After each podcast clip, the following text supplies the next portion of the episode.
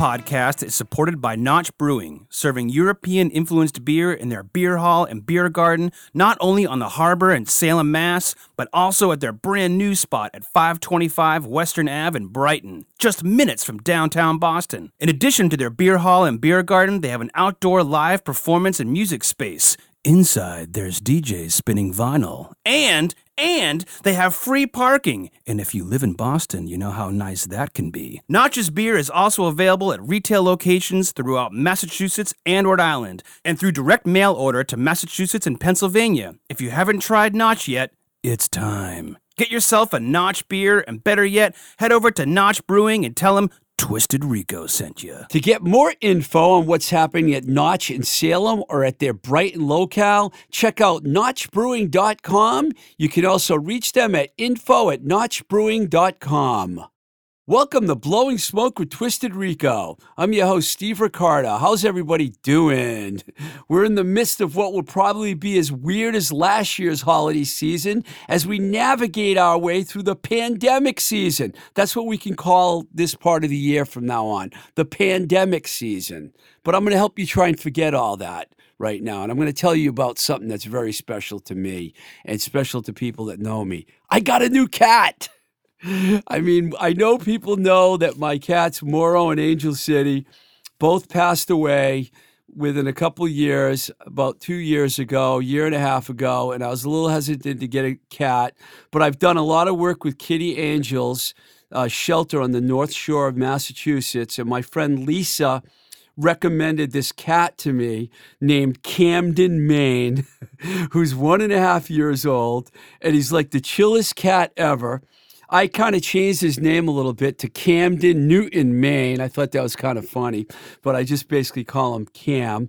And so far, week one has been pre- going pretty good. He started to get a little frisky today. He's getting a little friskier as time goes on. He's starting to mess with more stuff, like sitting on my art table, which I wish he wouldn't, but you know what? He's in charge now, so it's his house.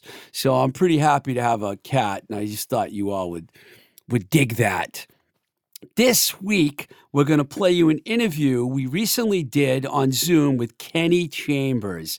Ken is the longtime singer, guitarist, songwriter of the outstanding post punk band Moving Targets, and also played a pivotal role in one of Boston's best band in the 90s, Bullet LaVolta. Plus, he has released several solo records, and he was also in Dredd Foole and the Din, which was associated with guys from Mission of Burma. So that's pretty cool. And he also played for a time with Vic Bondi and company in a band called Jones Very. We also found out some very exciting news during the interview when Kenny told us that he just recorded three songs with Rick Harte producing right here in Boston while he was in town. He had a show up here with Field Day and he was hanging out for a little while because he didn't grow up his whole life in Ipswich, as we find out in the interview, but much of his life was spent up there. And that's where he started forming his, his bands in Ipswich. We talked about the two really good records that Kenny just put out with Moving Targets. They both came out during the pandemic. They're on Dead Broke Records. And if that wasn't enough, he also told us that he's going to be recording with Jay Robbins, who was in Government Issue that I worked with in, in Jawbox. Really great band. They're going to be doing that down in Baltimore early next year. And he's already got a European tour booked so for Moving Targets. So I found out a lot of good stuff. So I'm um, going to play the interview, but I have to ask for forgiveness because I was all over the place during this one. And also, it's on Zoom. You can watch the Zoom version on YouTube. And I wanted to decorate my background with moving targets and other swag like my vintage Bullet LaVolta jacket. So I'm talking about that during the interview. And of course, if you're listening, like most of you are, you probably won't see it. But you can go to Zoom if you really want to see that stuff. I got that jacket, by the way, when I was working at Metal Blade Records. Because we had this weird deal with a lot of major labels, and one of them was RCA Records, who Bullet LaVolta was signed to. I think I told you guys about this before, but majors used to hire our, our prolific marketing department to work EPs and singles by bands before their major label records came out. So I got to work on records by Mother Love Bone, Circus of Power, Soundgarden, Jane's Addiction, and of course, Bullet LaVolta. I didn't really know the guys very well in the band, but I was a huge, huge fan of theirs. I saw them the first time when I was a judge at the BCN Rumble back when it was at the Paradise Theater in Boston. And the minute they took the stage and started playing, I was like, fuck, what a band. If you didn't see Bullet LaVolta, they were like a phenomenal live band. So, besides babbling about the stuff in the background, and I also had a couple technical issues because for some reason my headset stopped working right when the interview started. But nevertheless, no more excuses. Let's listen to a moving target song. This is called The Part. This is from one of those two albums that came out in 2020, the one called Humbucker. I'm going to play this song for you, and then you get to hear me talking with the great Kenny Chambers.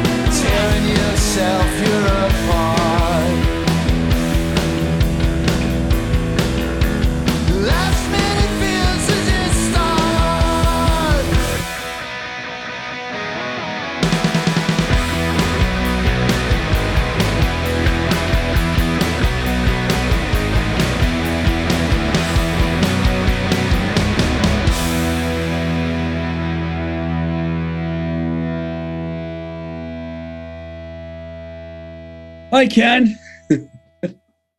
Hey, How are you? I'm good, thanks. Thanks for having me. de- I tried to decorate my background a little bit, but I have to go like this to get both back. Got I have to show you something though. There are only like three of these, and I have one of them. What the hell is that? It's Where'd you get that? Jacket that someone made for me with the Bullet Volta EP T-shirt that I had on the back of it. Oh, that's so nice. I thought you'd appreciate that. Yeah, I do. So, so you grew up in Ipswich? Uh, well, I grew up in Miami, but I spent my summers in Ipswich until I was 15. Oh, okay. And So then, you're and then I moved to Ipswich. Oh, so you're not originally a Mass guy. You're a Florida guy. Yeah, I mean, I was born in Massachusetts, and uh, when I was uh, about two and a half, three years old, my mom and I moved to Miami. Now, were you really a clam shucker, or is that just the Curtis Casella story that that he made up? I was a clam shucker. You were. Yeah, I'm not as always sure if Curtis is pulling my leg or not because Yeah, yeah, me too. you were. And uh, and and the first thing you started doing um, was Iron Cross. yeah. T- talk about the early days and how you got started. uh, how I got started was um, I got really into rock music, you know, like starting to buy records and things like that when I was about 10 years old. Um, my dad had a pretty cool record collection. And uh, every summer when I was in Ipswich, I'd check out his record collection. And uh, at the age of 10, for some reason, I got really obsessed with it. And uh, he had some Stones records, and that became like my favorite band of all time, the Rolling Stones. you know, when I was that age. And uh, that made me want to learn how to play guitar. You know, I, I thought someday maybe I could be in the Rolling Stones. so was Keith your favorite? Uh, yeah, Keith. Keith is uh, not anymore, but uh, back then, when he was younger, yeah, he was definitely my favorite. And was Iron Cross the first band that you formed? Was that actually with the two Pats as well, or was that different? No. Pat? No, that was um, I, I was in a cover band um when I had been playing guitar for about three months in Miami. You know, we knew like ten songs and played a couple parties, and that was the extent of it. Um, but when I was uh, 15 years old, I got into this band with these two brothers, Mark and John Norris in Ipswich. Okay. and uh, you know i told my mom hey can i go to school in ipswich and stay in this band? You know i'm, I'm really having fun and everything. Because i live with my grandparents in ipswich you know during, the, summer, during the summertime. So uh, you know she said yeah. I mean i was i was getting into a lot of trouble in miami as a youngster so uh, and i was pretty well behaved in ipswich with my grandparents so uh, it seemed like a no-brainer for everything, you know, getting to play music and staying out of out of trouble, so to speak. Kind of a mellow community up there, huh? Yeah, Yeah. So uh, Iron Cross was the first band that you were in? yeah, yeah. Besides the cover band. Original band, you know, um, we we had about twelve or fourteen songs, and uh, we were we were together uh, about a year, and uh, there was a, a fire at their house, and they both died. So. Uh, What? That was- yeah. They um they had a fire at their house. Their father died and Mark and John died. Oh, I'm a big- sorry, man. I was not expecting to hear that. I didn't hear about that. That's that's horrible. Yeah, it was it was terrible. Real real big family, really loved by the community of Ipswich and uh so it was a big big tragedy uh all around. And uh so you know, I all, all my equipment was destroyed. We used to practice over at their house. All of our equipment was destroyed in the fire. And uh, a couple months after the fire, um, Mrs. Norris, El- Eleanor Norris, uh, got in touch with me and said, you know, I want to take you to a music store and replace your equipment. Wow. You know, I, I got an insurance check uh, for what happened. So she uh, she and I drove into Boston to Wurlitzer's, and uh, she bought me a Les Paul and a Music Man amp, which was uh, way nicer than what I had, um, you know, before the fire. And uh, you know, I kept going then, and I knew Pat Leonard from Mhm. from Moving Targets because he actually he did lights for a couple of gigs that that uh, Iron Cross did, like built his own light show out of like. Uh, my my grandmother was uh, she worked uh, at the cafeteria at Ipswich High School, so he got like all these huge like tomato cans and stuff, and and put lights in them and built poles and everything. It was pretty cool, and uh, so Pat Pat you know and I were still hanging out, and he said, you know, don't don't stop playing. You know, why don't you teach me how to play bass? So uh, that summer, you know, we spent a lot of time together just at his house. He bought a Guild guitar and just with four strings, and uh, we listened to the Clash and the Sex Pistols, and you know, he got into punk rock then, which is really cool for for all of us. And uh, you know, that's really where Moving Targets started. I think I think a lot of people will say what I'm going to say right now. The first time I heard the band was the bands that could be God compilation that was uh, Gerard put out. That Yeah. was the first time I think I heard the band. I was working at Enigma Records. It was 1984, I believe, right? Yep, you're right. And that was the first time I heard the band. And then before you know it, you guys ended up with uh, Curtis and Yeah. Taang. And and you did you were with Curtis for a lot of records, not just uh, moving targets, but solo records. Um, let's go back to the um, bur- um, Burning and Water record seems to be the one that you know, I don't know, it's regarded by most people as the best, uh, most popular moving targets record. You worked with Lou Giordano, who's like Yes. a legend. What was that all like? And, Uh, and was- would you agree with great. the and would you agree with the assessment that that is the most popular record as well? Yeah, yeah, that's that's the one everyone cites. You know, I think it's um, you know, it was our debut record. We were it was just the right time for us to do that and uh the right batch of songs, the right producer and Lou Giordano and uh and the right label with Taang. You know, Taang was starting to happen at that point and so we uh we got a lot of good reviews on that. people used to always say it was kind of like Husker Du meets Mission of Burma. I mean, would that be a good way to describe that band in the early days? Oh yeah, absolutely. I mean, those are two of um, you know, as a, as a songwriter in the band, those were two of my influences: Mission of Burma, uh, The Clash, Husker Du, uh, The Damned, stuff like that. Um, I know that you spent some time with Dredd Foole and the Din, Peter Prescott. Was, Yeah. was that a simultaneous thing that was going on with the moving targets at that time? Yeah, it was. Um, I mean, I, I joined Dredd Foole and the Din in 1983. Um, I mean, okay, it's so before the before the Yeah. uh, conflict compilation came out. Oh yeah. Um, I mean, uh, move, moving targets are to thank for for me getting into Dredd Foole and the Din. Uh, at the time, uh, Dan Ireton, the singer of the band and songwriter, Okay, uh, he, he was working at Rocket Records in Saugus. Do you remember that? of course, Al Quint's one of my good friends, man. yeah. So uh, he was working there, and um, we had just like a week before. I was I was in the store with a friend of mine, and uh, the week before we had just played our first gig with the Bad Brains and Scream at CBGB's. what a first gig. Yeah, I know. All downhill from there. but uh, so uh, I was flipping through the new releases, and uh, Scream's first record, you know, which had just come out maybe a couple months before or something, was there. And I said, "Hey, here's that band Scream we played with." And Dan overheard me say that, and he's like, "You played with Scream?" And, and I said, "Yeah, I'm in this band Moving Targets. We played with them at CBGB's last week." And we started talking about music and stuff.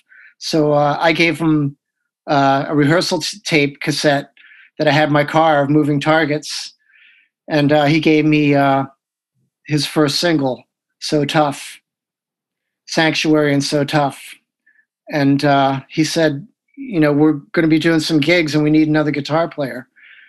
You know, you want to check this out? Maybe you're interested." You know, just like out of nowhere. You know, he didn't know me from a hole in the wall. So uh, that's how I got into Dredd Foole and the Din. Wow, I mean, I, that was a I didn't even I didn't even like the single.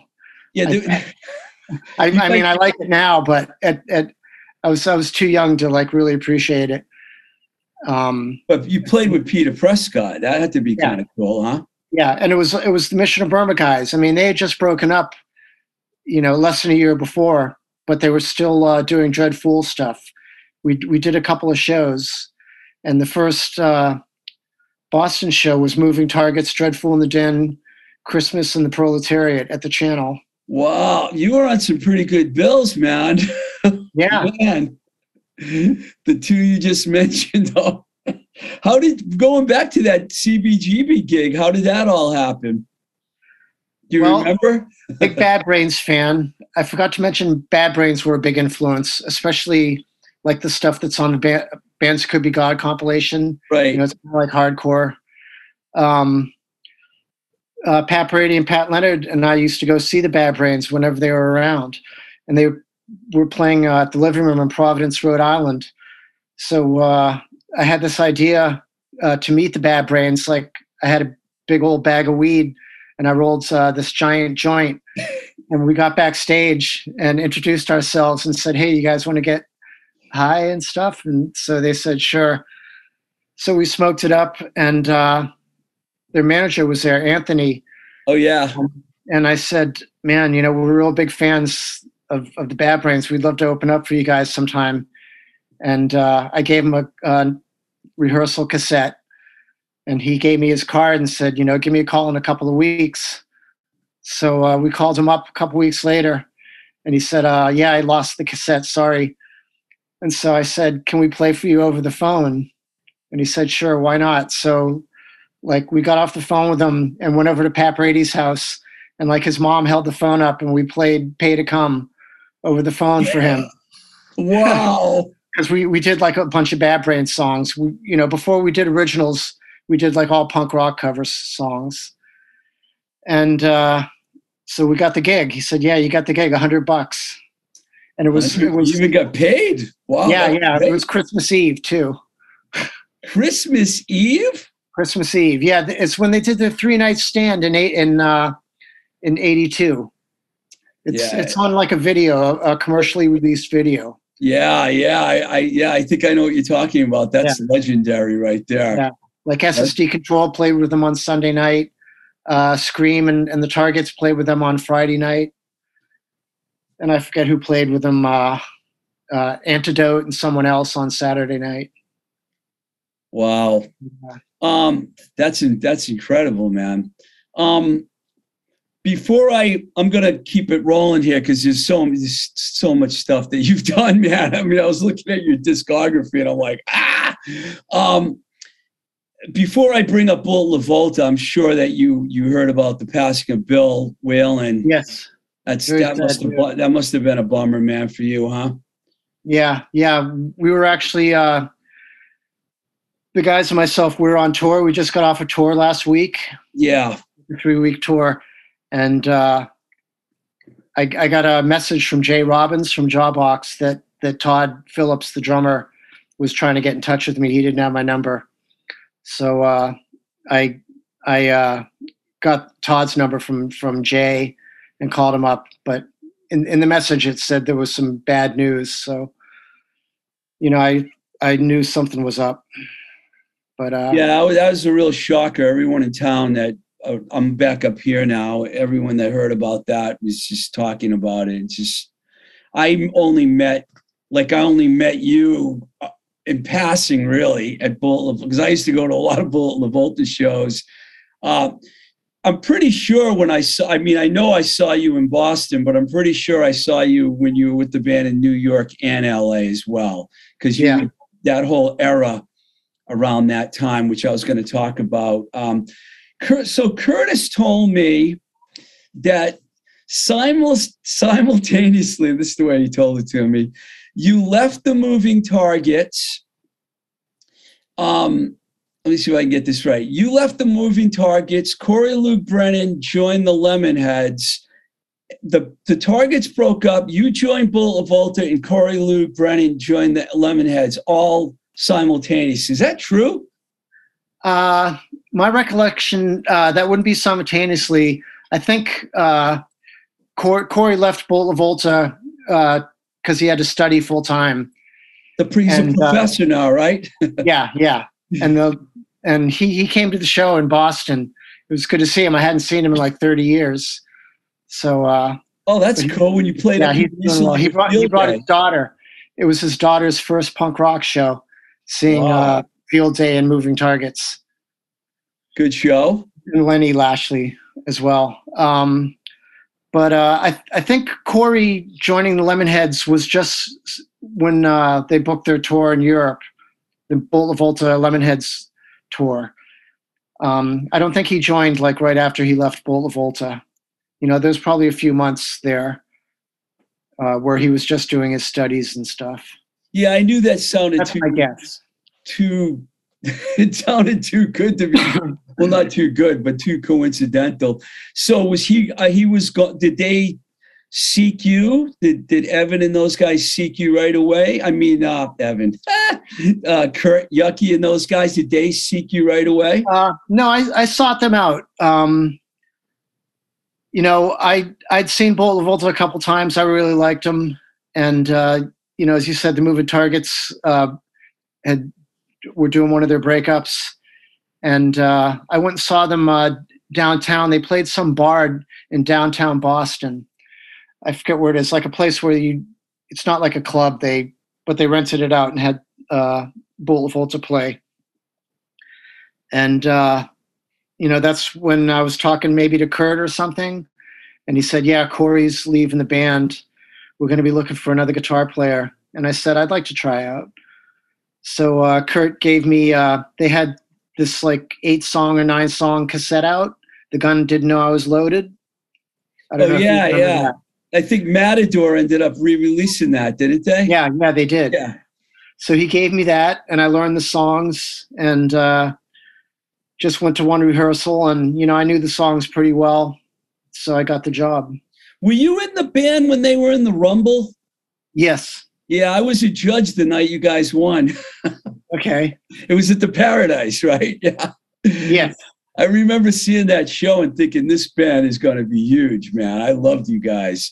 And then the gift after when you after that when you made the gift album, just an absolutely fantastic. I found my demo cassette, advanced cassette of that, not demo, but the advanced Uh-huh. cassette of it. Yeah. I got a lot of Bullet Volta stuff because I was like a really huge fan. Even though I was working for other labels and with other bands, I always, I actually wrote reviews about Bullet LaVolta in magazines. When I wrote for different magazines, I wrote for Industrial Metal Magazine and a few others. And I didn't always use my own name, but because I was working for labels and it was Yeah. a little bit of a conflict.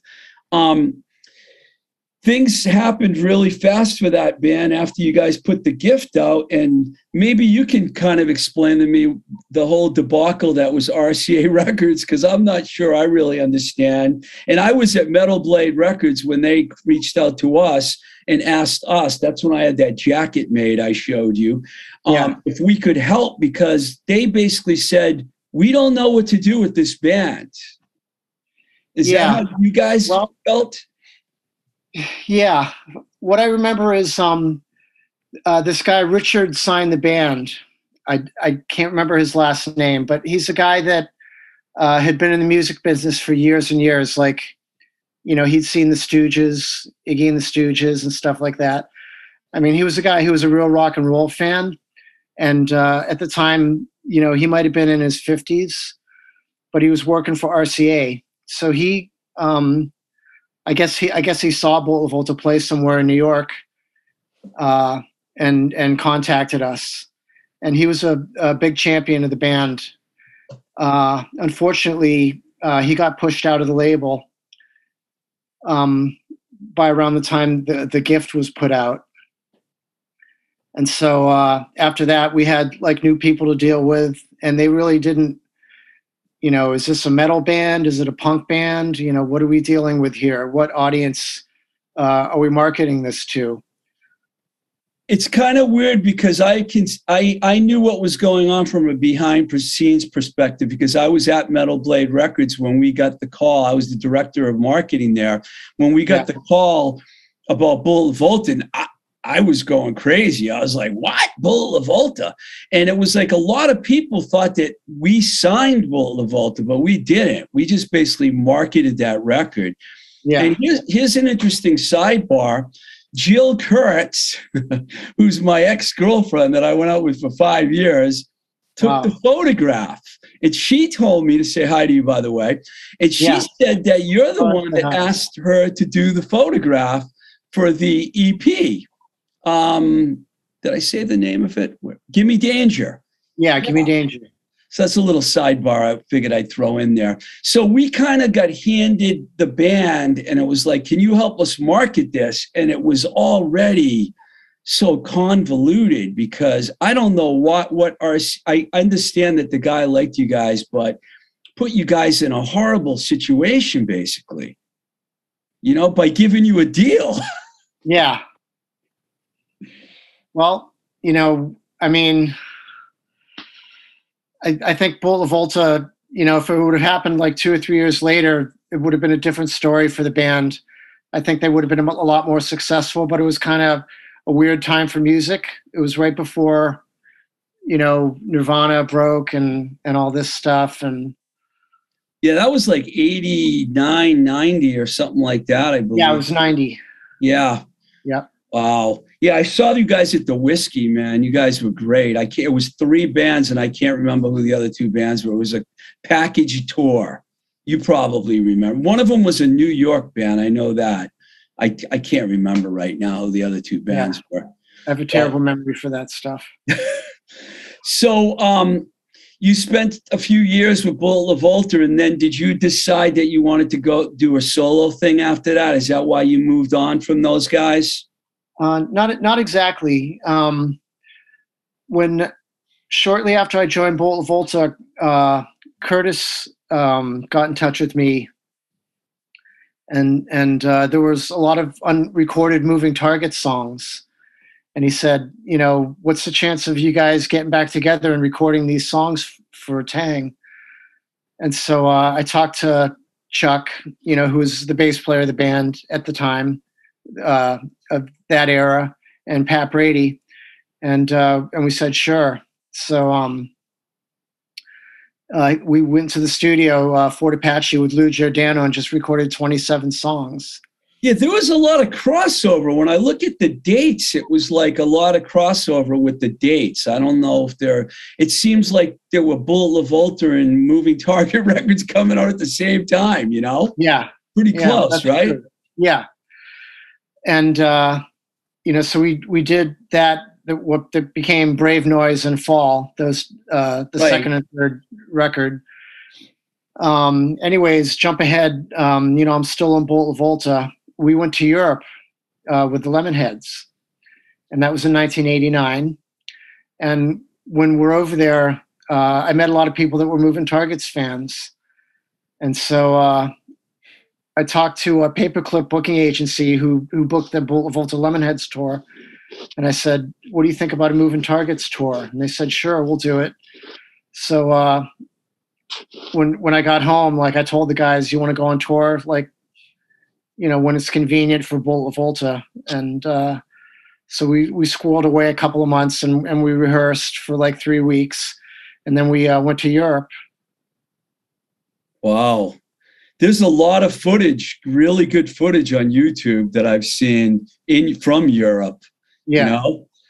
And uh, I that let me just ask you about that Bullet Volta Lemonheads tour for a second. That must have been a pretty interesting tour to be on. it was a lot of fun. You know, my first time in Europe. Uh, any of us, any any of the guys in La Volta, was our first time in Europe, as far as I know.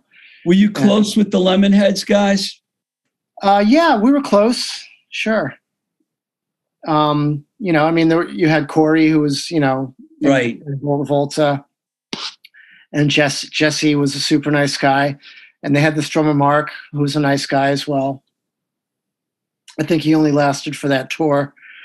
Uh, and Evan, you know, Evan's a good dude. It's really funny, you know. Uh, one of the guys is a professor, the other one's a director. it's Yeah. funny how these guys ended up like going in all these different directions, you know.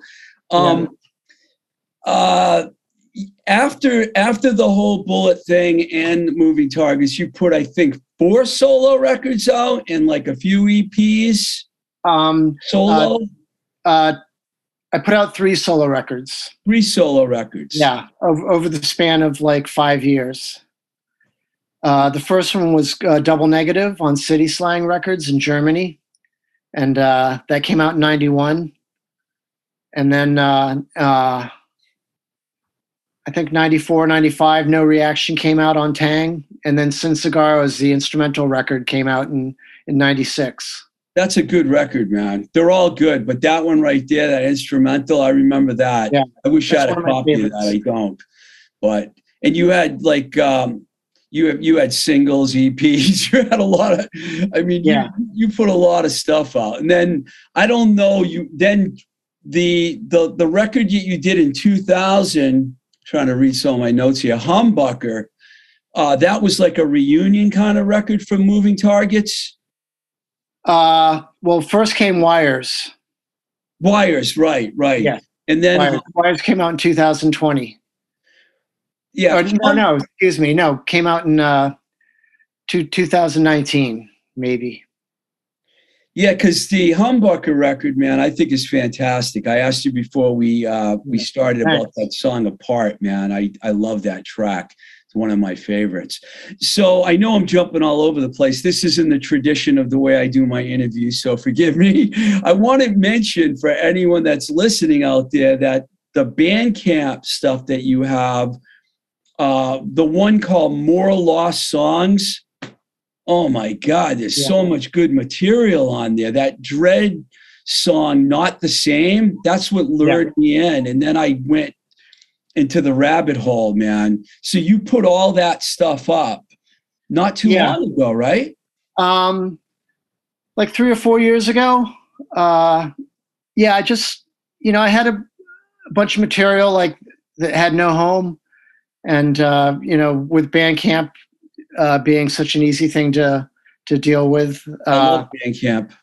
I, um, I just, uh, I bought some really uh, inexpensive mastering uh, software and just uh, mastered because a lot of those songs were on cassette. I had to transfer them to to CD, and uh, the sound quality was you know hit or miss on some of the stuff. So mastering it uh, made it sound a little better, and uh, I just wanted to have like a box set kind of thing with uh, everything out there. It's really cool, songs.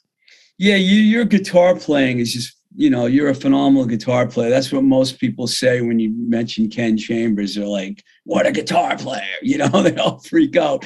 Now, I know that you just did the tour with Moving Targets and uh, with Field Day. Those guys are my buddies because I signed Dag Nasty to, to uh, Giant Records a long time ago. So Pete and Doug, I wasn't around, otherwise I would have been at that show at the Middle East. But it was bad timing. The first time they were going out, I had I was going to go see them in Pittsburgh. I was living in Pittsburgh, and then the pandemic fucked everything up, man.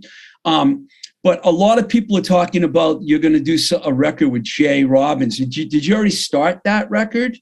Uh, no, that's going to happen in March, early March.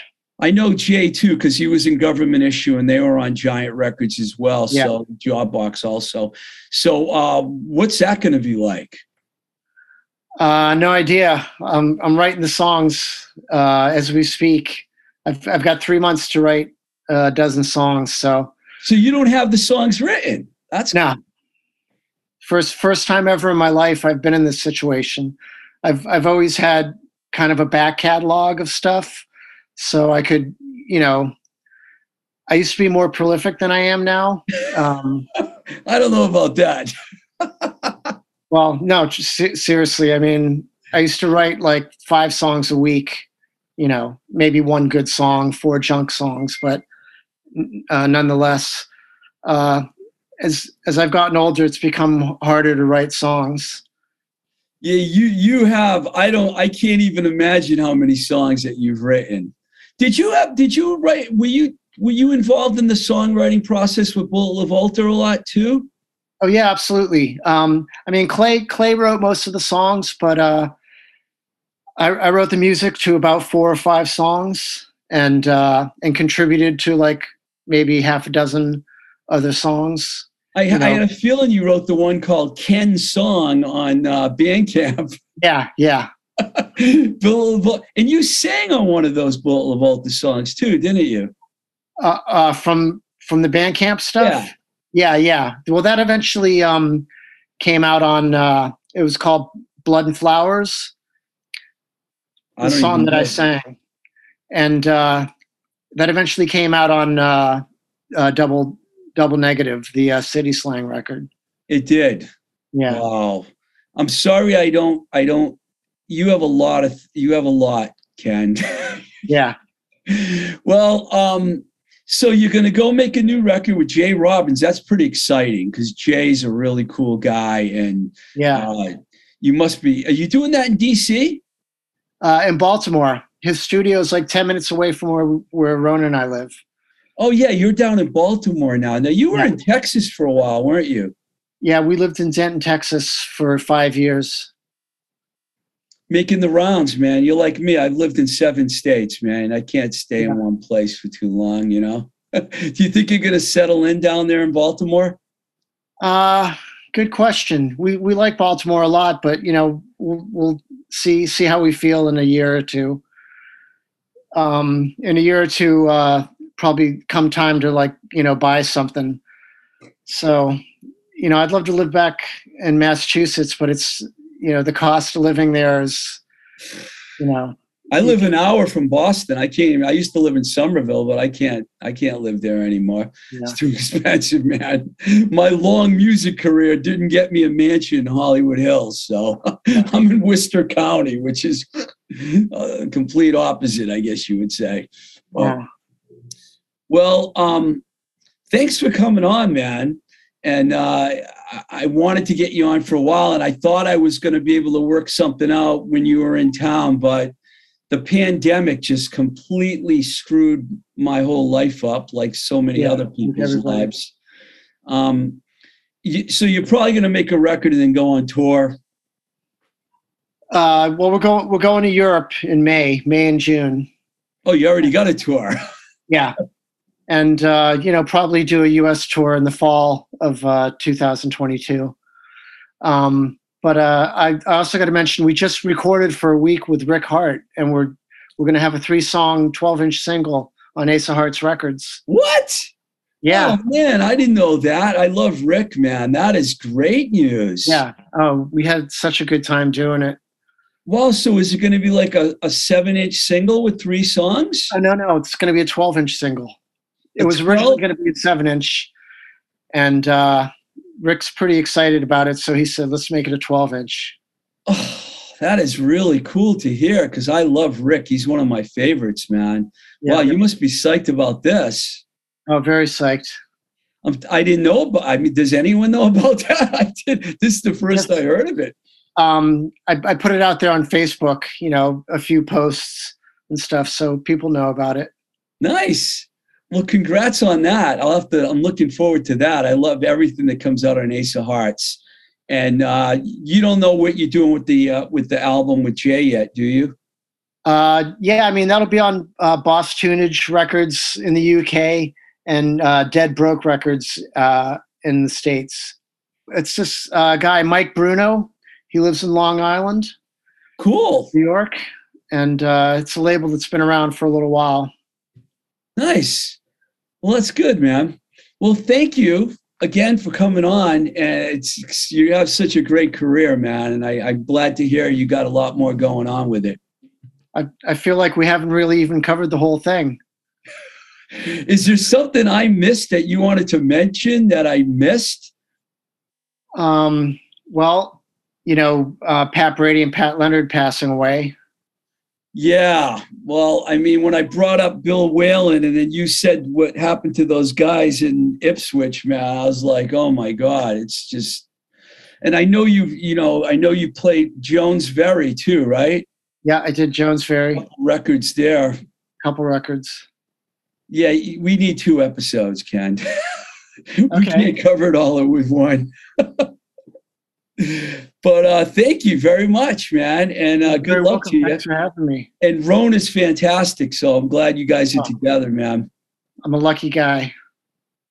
All right, man. Thank you. Uh, Want to give one last shout out uh, Sure. to our new our new guitar player Fred. Okay. We have we have uh, we're now four piece. Oh, that's great. The other two guys are from uh, Canada, right? The, all three of them are from Montreal. It's a Canadian band now. Yeah, it's a Canadian. Cool, man. All right. Thanks, man. All right, you take care.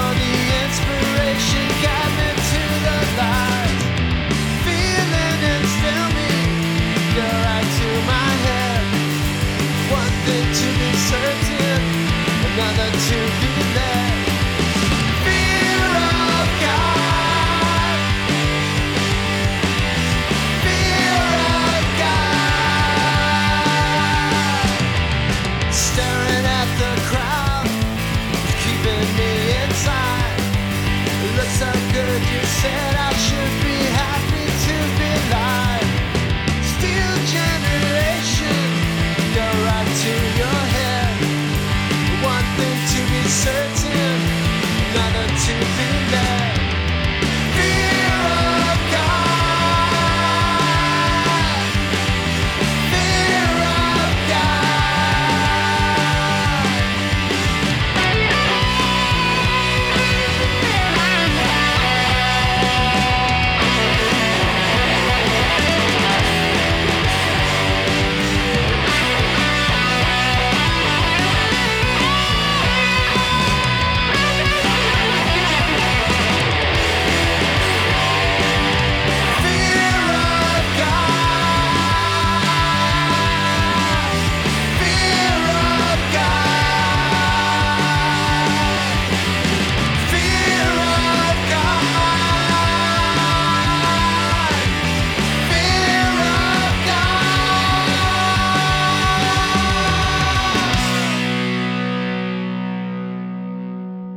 Okay, that track you just heard was Moving Target's Fear of God from the album Wires, released in May 2020. Man, Ken was like a songwriting machine at that point in time. He says in the interview that he slowed down with his songwriting, but that's hard to believe since he put two records out one year on Dead Broke Records. Okay, so sometimes I refer to certain musicians as machines, not sometimes a lot, but with the body of work that Kenny Chambers has, he is a machine.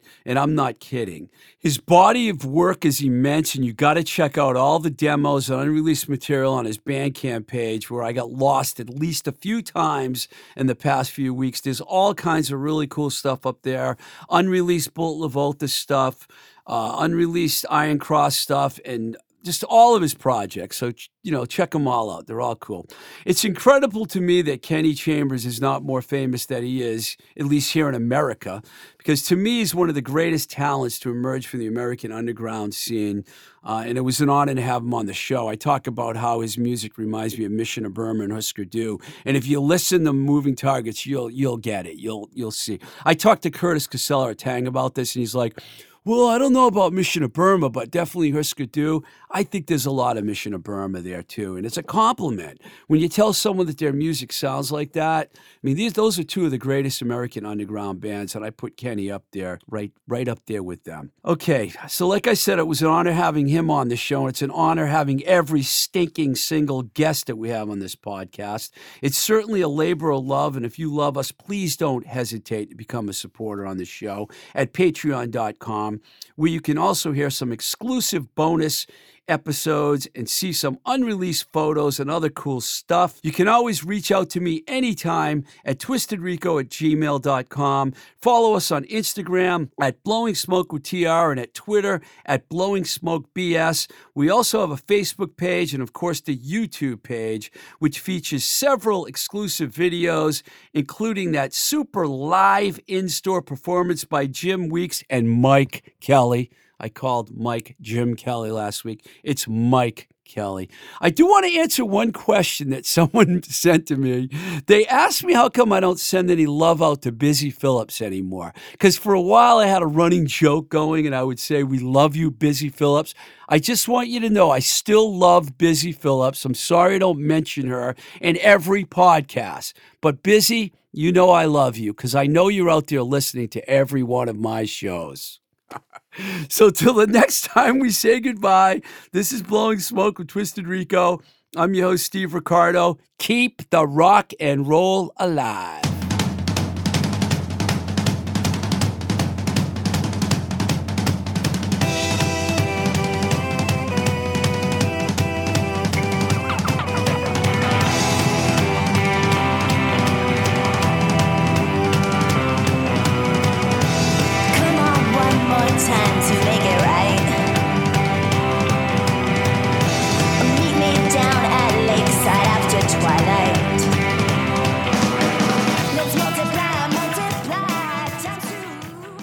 Voice is recorded at Voice Motel, voicemotel.com, your complete podcast recording experience, located in Union Square, Somerville, Massachusetts.